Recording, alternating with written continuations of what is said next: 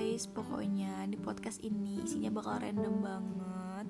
Bisa ngomongin apa aja yang pasti relatable banget loh sama kehidupan kita. Dan inget kamu itu gak akan sendirian. Karena banyak yang senasib juga loh sama kamu. Makanya yuk dicurhatin aja. Jangan dipendem-pendem terus ya gak enak